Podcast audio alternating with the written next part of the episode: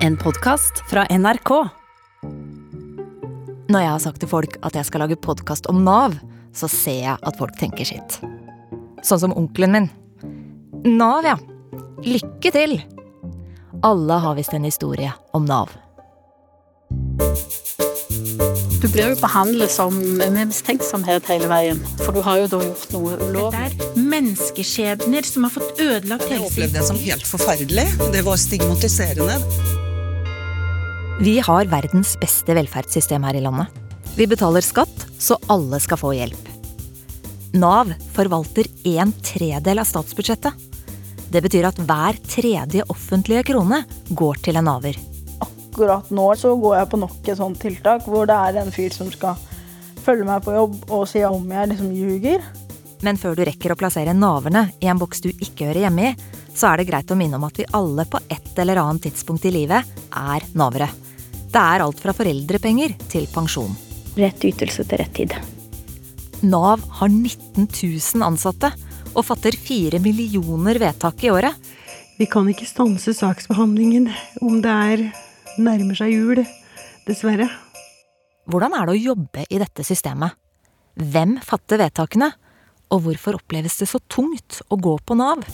Ser jeg en konvolutt med Nav på, da blir jeg sliten.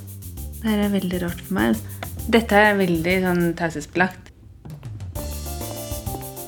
Jeg heter Marit Evertsen Grimstad, og i denne podkasten skal jeg følge én sak gjennom systemet for å prøve å forstå Nav.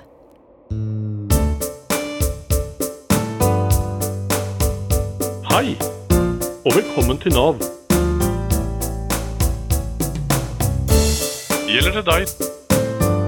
Tast null.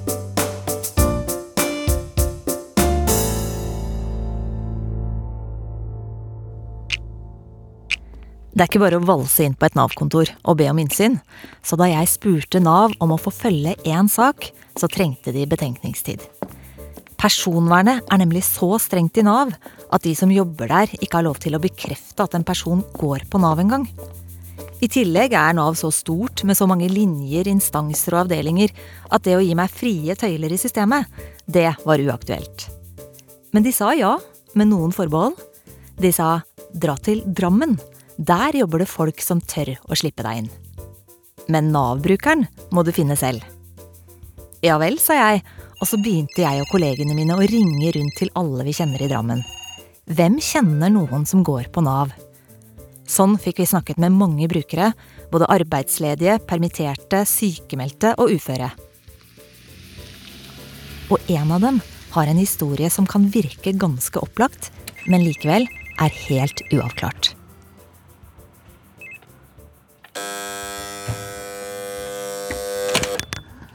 Hallo! Tusen takk. Ingrid Djupskås er 31 år. Hun bor i fjerde etasje i en leilighet like ved jernbanestasjonen i Drammen. Her bor hun alene når ikke kjæresten er der. Hun jobber 40% som svømmelærer på to barneskoler i Lier.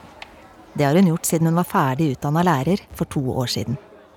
Men i dag er det fredag, og Ingrid har fri.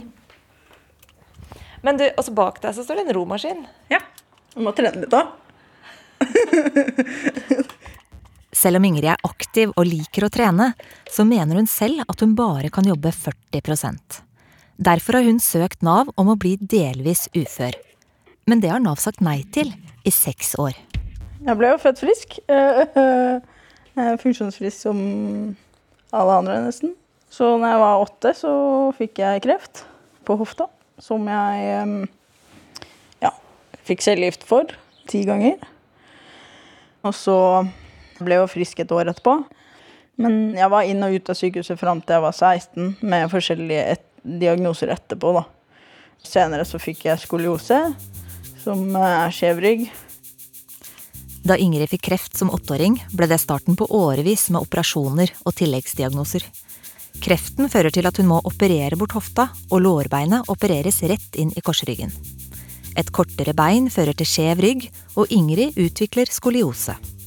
For å kompensere for et kort bein og skjev rygg, prøver legen å forlenge foten. Det går dårlig. Ingrid blir lam fra kneet og ned. Etter mange år med mye medisiner og mange plager, får Ingrid nok en diagnose. Som 16-åring får hun epilepsi. Jeg hadde en eh, normal eh, oppvekst til jeg var åtte, og så ble jeg voksen. Jeg var jo på Riksen sammen med flere barn som hadde kreft, og man gikk fra det å liksom ikke ane så mye om hva som var konsekvensen av kreft, f.eks., til å plutselig kjenne veldig mange som dør av det. Og så er jeg en av de heldige som får lov til å gå ut frisk. Mens veldig mange av de som jeg ble god venn med, de overlevde ikke. Og det, da blir man jo litt annerledes. Når Ingrid forteller om alt dette, så høres det så greit og ukomplisert ut. Det er lenge siden. Hun har levd med det siden hun var åtte. Beinet som starta det hele, ble forresten amputert bort for tre år siden. Da orket hun ikke flere plager, og ba legen om å ta det bort. Heller et liv i rullestol. Jeg kan uh, sitte igjen. Før så har jeg ikke kunnet sitte normalt i det hele tatt. For når man ikke har hofte og ikke har korsrygg, så har man liksom ingen ledd å bøye. Og jeg har heller ikke noen ledd over korsryggen som jeg kan bøye. Så da har jeg liksom ikke sittet på nesten 20 år, da. Så det var veldig deilig å kunne sette seg i en stol. Men altså, som du ser nå, så greier jeg fortsatt ikke helt å sitte oppreist over lengre tid. Eh, sånn at jeg sitter jo fortsatt litt sånn som om jeg skulle være 14 år og ikke bare henge på en stol. Men eh, det har blitt bedre. Det har vært mye verre. For det som er litt sånn rart, er at nå sier du at eh, Jeg ser jo det, du sitter jo litt sånn som en 14-åring, som du sier selv. Litt henslengt. Med ett bein. Det andre er ikke der. Eh, men det er ikke dette som er årsaken til at du har en Nav-sak? Det er ikke beinet, nei. nei. Beinet er ikke Nav-grunnlag for hvorfor jeg ikke kan jobbe. Eh, og det, det er jo fatiguen som gjør at jeg ikke greier å jobbe med fullt. Fatigue det er en ganske vanlig senskade etter kreft. Fatigue er en slags utmattelse som gjør at man orker mindre og blir fortere sliten. Og det er jo det som er litt vanskelig, for Nav forstår ikke. De, de tror at det er alle de diagnosene som, som er fysisk i kroppen, da. Men eh, når det er folk som jeg ikke kjenner like bra, eller ting som jeg må gjøre, eller hvis jeg må på jobben, eller sånne ting, så holder jeg meg gående i de timene. Eh, og folk ser ikke på meg at jeg er sliten, eller at jeg er trøtt, eller eh, at jeg har en dårlig, dårlig dag. Men det er veldig få av de som vet hva som skjer når jeg kommer inn den døra her, da.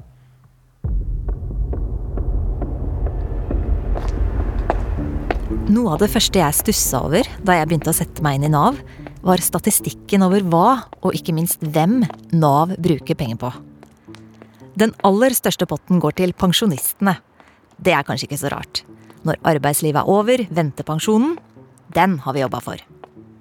Men den nest største potten overrasker mer. For på andreplass kommer de uføre. Nå er det over 350 000 personer i dette landet som er uføretrygda.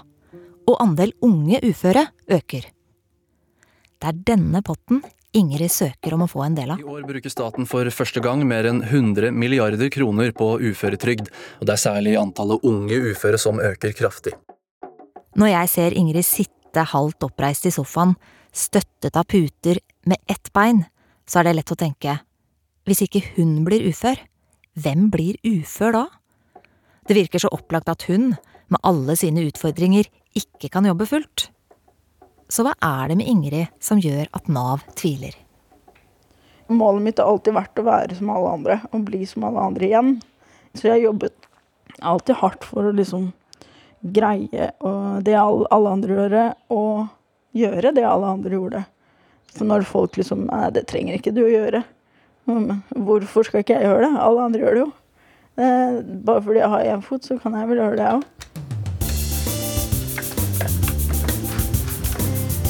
Ingrid har søkt om å bli 60% ufør. For å finne ut hvorfor Nav sier nei, så må jeg skjønne hvordan Nav fungerer. Jeg må inn på Nav.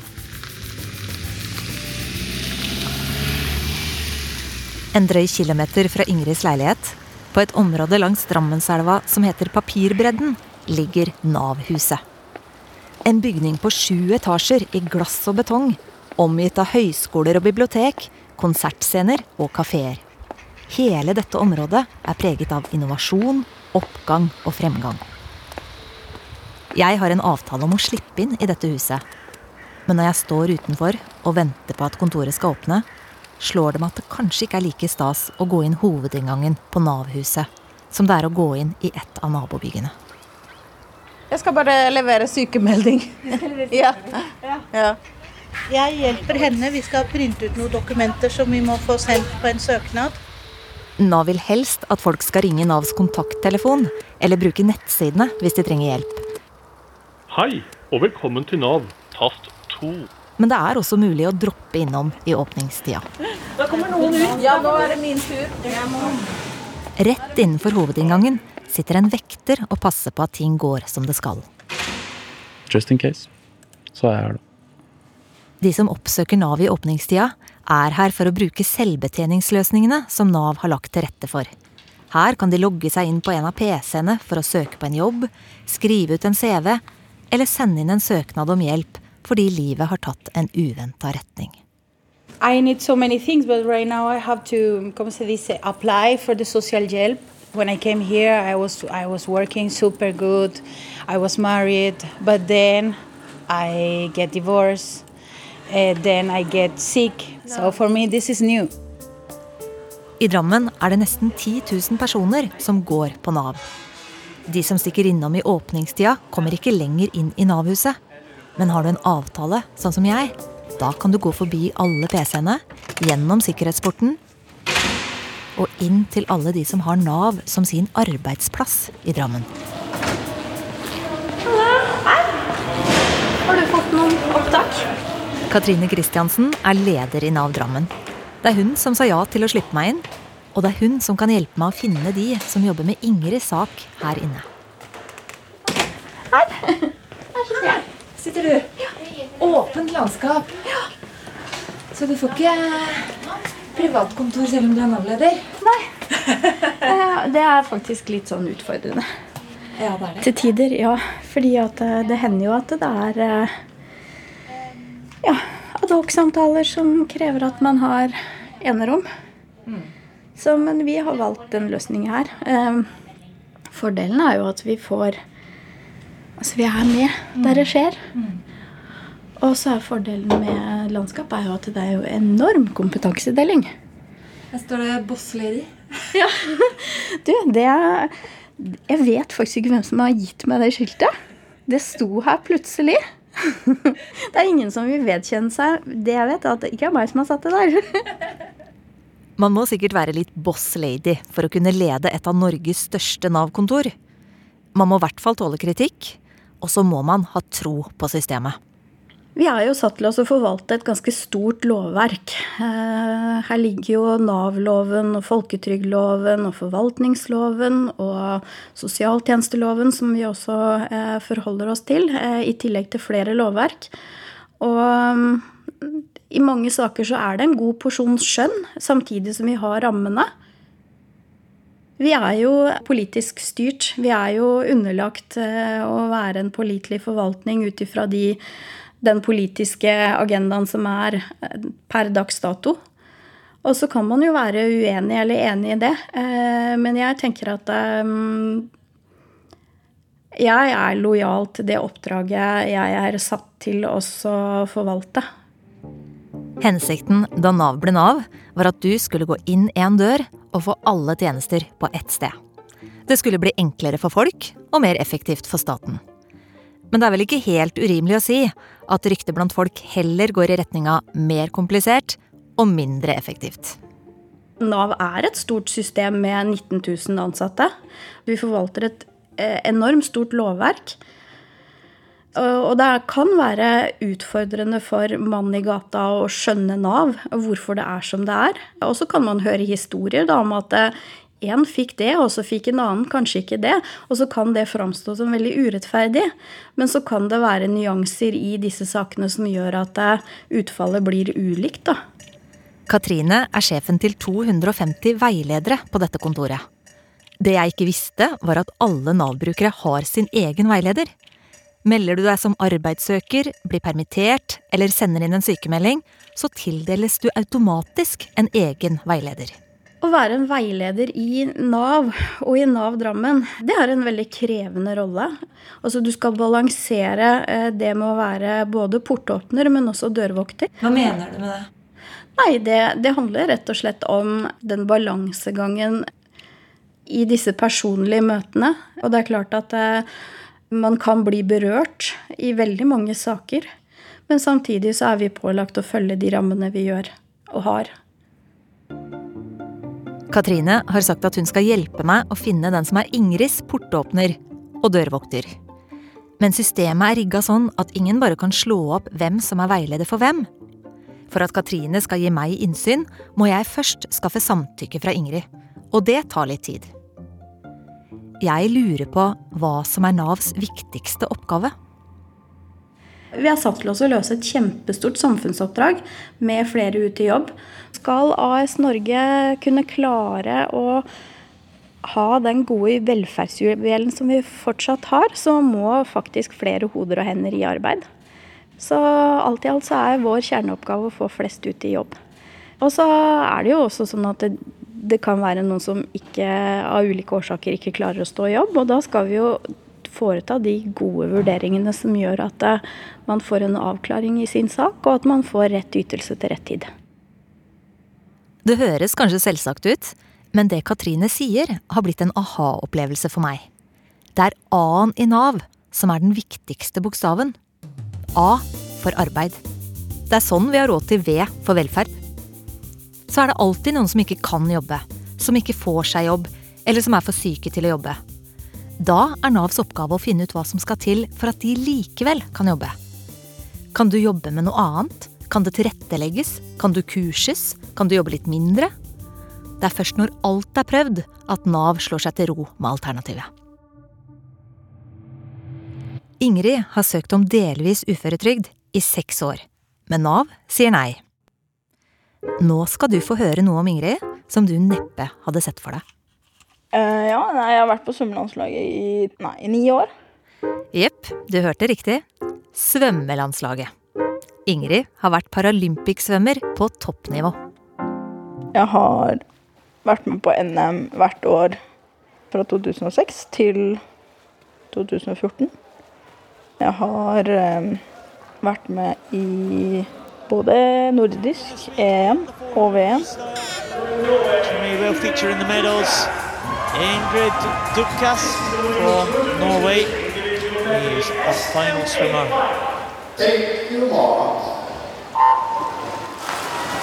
Har tatt én EM-medalje i stafett, da. Norges første stafett. Så det var veldig gøy. Målet var jo OL hele veien. Eh, men eh, i 2012 så var, det, var vi et veldig godt svømmelag. Og vi hadde greid å lage fire, fire dameplasser da, som skulle til OL. Da rangerte landslagssjefen meg som nummer fem i Norge. Så jeg fikk akkurat ikke den plassen. Nei, jeg, var, altså, jeg tror jeg var sur et halvt år, så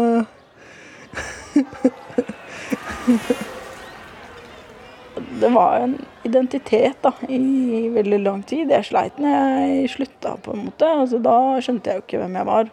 Jeg hadde ikke noe å gå til hver dag. Jeg hadde ikke Altså, det var ingen som forventet noe av meg lenger. Når jeg var på landslaget, så var det en forventning om at selvfølgelig så trener du, selvfølgelig så, så gjør du det du skal for å oppnå de beste resultatene. Mens det, det å liksom ikke ha det, det er veldig mye vanskeligere, da. Mens jeg snakker med Ingrid, merker jeg at hun begynner å bli sliten. Eh, så jeg foreslår at vi tar litt pause. Blikket flakker, og hun sliter med å konsentrere seg. Sjokolade, bolle, brus. Da gjør det litt å drikke. Samtidig ser jeg at jeg har fått en mail fra Katrine. Har du snakket med henne ennå, eller? Hun har fått tak i riktig veileder, og jeg kan få snakke med henne senere. Mm. Ja. Nytt forsøk. Bra. Etter en liten pause er Ingrid klar til å fortsette praten. Svømminga ga henne rutiner, krav og forventninger. Men hun kunne jo ikke være på landslaget for alltid. Så mens hun er på sitt mest aktive, tenker hun på framtida. Ingrid vil finne seg et yrke. Hun vil ha en utdannelse. Jeg hadde jo lyst til å, å delta i arbeidslivet. Det har aldri vært noe alternativ å liksom ikke være med å jobbe. Jeg har alltid hatt lyst til å ha et sted å gå om morgenen. Kunne sitte og spise lunsj med noen. Bli tvunget til å være venner med noen. Og kunne finne på noe annet enn med mamma og pappa. Sånn at det å liksom være en del av samfunnet, kunne gjøre noe som alle andre driver med, det har alltid vært liksom en selvfølge. Men jeg har jo innsett med årene at jeg kan ikke gjøre det 100 Siden Ingrid har åpenbare utfordringer, får hun innvilget det som heter arbeidsavklaringspenger fra Nav. Penger å leve for mens arbeidsevnen avklares. For å beholde kontakten med svømmemiljøet tar hun en liten deltidsjobb som svømmeinstruktør på kveldstid. Samtidig finner hun ut hva hun vil bli. Med støtte fra Nav begynner hun på lærerhøgskolen. Da har jeg liksom funnet et yrke hvor jeg har tenkt at ja, det er enkelt yrke å jobbe 40% i. Eller 50 hvis det er det jeg må, men jeg tror ikke det er det jeg greier. Så da begynte jeg på lærerstudiet. Og fullførte jo det til nesten normert tid. Jeg gikk de tre første årene fram til bachelor på normert tid. Og så amputerte jeg foten, så da tok jeg et halvt års fri. Og så tok jeg det siste året på normert tid, så jeg var liksom ferdig etter fire og et halvt år da, istedenfor tre-fire år. Og så fikk jeg jo jobb før jeg var ferdig på skolen. Ingrid vil jobbe, men hun vet at hun aldri kan jobbe 100% Hun vet også at de arbeidsavklaringspengene hun går på, er en midlertidig ordning. Så for å få trygghet for framtida sender hun sin første uføresøknad i 2015. Er det den, tror jeg? Der.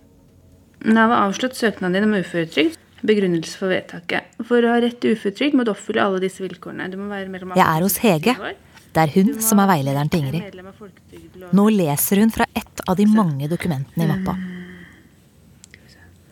Hege har tatt med seg PC-en inn på et av møterommene for å vise meg hvordan saken til Ingrid ser ut i Navs datasystem. Vi har flere ulike datasystemer. Skal vi se um, Skal vi se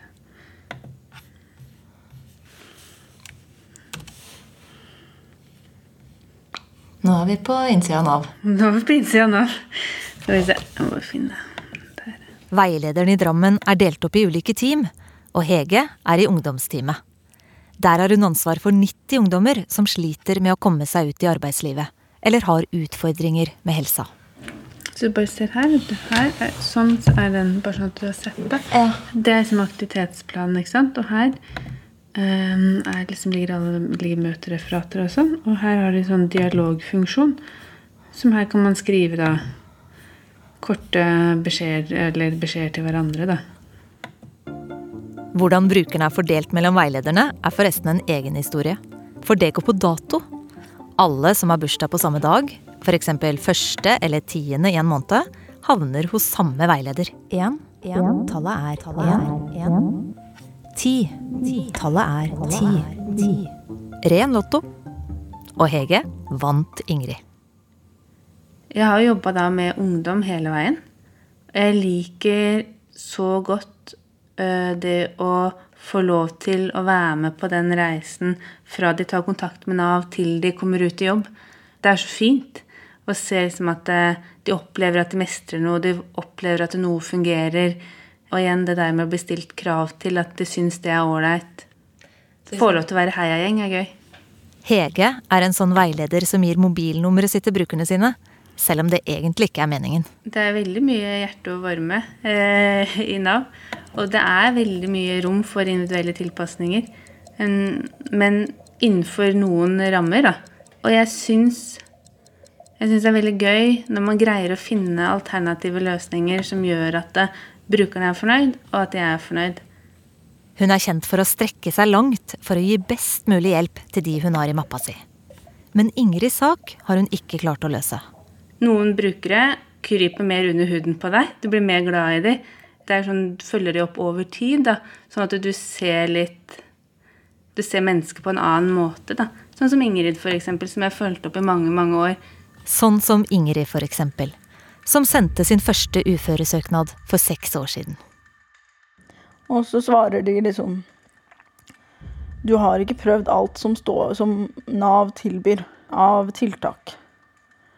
Hva er det jeg skal gjøre som jeg ikke har gjort? Og da setter de meg på nok et sånt tiltak, da. Og de mener fortsatt at jeg ikke har gjort nok tiltak. Så det gjør jo at jeg den dag i dag, akkurat nå, liksom, i snakkende stund, så, så går jeg på nok et sånt tiltak hvor det er en fyr som skal følge meg på jobb og se hva jeg driver med, og se om liksom om jeg liksom ljuger. Men de følger meg jo kun de timene jeg er på jobb. De ser jo ikke hva som skjer når jeg kommer hjem. A for arbeid. Det er det saken handler om fra Navs side. Hvor mye kan Ingrid jobbe? Her er liksom alle Må hjelpes. Ja, det er 300 sånne journalposter, da. Så det er jo, det er jo en del. Ingrid har gitt meg full tilgang til å se dokumentene hennes. Og derfor gjør Hege noe hun vanligvis aldri gjør. Hun åpner mappa til Ingrid og viser meg hele saksgangen. Det her er veldig rart for meg å sitte og vise, vise andre der. Jeg syns at jeg er litt sånn kikker nå. Ja. For dette her har ikke jeg egentlig lov til. Se. Nei, Altså, nei, nei, nei, nei. Dette er veldig, dette, Ingrid har fritatt deg fra taushetsplikt. eh, ja. Mm. Men dette er veldig sånn taushetsbelagt. Mm. Det er på en måte bare jeg som veileder, egentlig, og de som skal behandle saker. Da, de som må inn her for å se, for å behandle en sak, kan gjøre det. Mm. Men det blir logga hver gang vi er inne, og så blir det logga hva du er inne på. Ja. Så nå får du på ditt papir at du har vært inne og sett på Ja. Klagen. Og... Men, men det, så lenge jeg har en grunn til å gå inn og se, så spiller det ingen rolle. Nei. Mm. Dette har vi fått lov til, altså. Ja. Skal vi se Det er så mye. I neste episode Har du den? Ja, da har jeg den. Hva står det i papirene som gjør at Nav tviler? Hva er det jeg skal gjøre som jeg ikke har gjort? Så vi skjønner ikke liksom hva mer er det vi, vi skal gjøre her. Jeg forstår at hun opplever at dette her er opplagt, men det det er tvil om, er hvor mye hun kan jobbe. Gjelder det økonomisk sosialhjelp eller andre sosiale tjenester, På innsiden av Nav er laget av meg, Marit Evertsen Grimstad, prosjektleder Ida Skeie og lyddesigner Merete Antonsen. permittering eller sykemelding, Konsulent Kjetil Saugestad og research Beate Riser og Johannes Loftsgaard. dagpenger, arbeidsavklaringspenger, Musikken er laget av Socius Music. Redaksjonssjef er Randi Helland. eller honnørkort, tast null. Du har hørt en podkast fra NRK. De nyeste episodene hører du først i appen NRK Radio.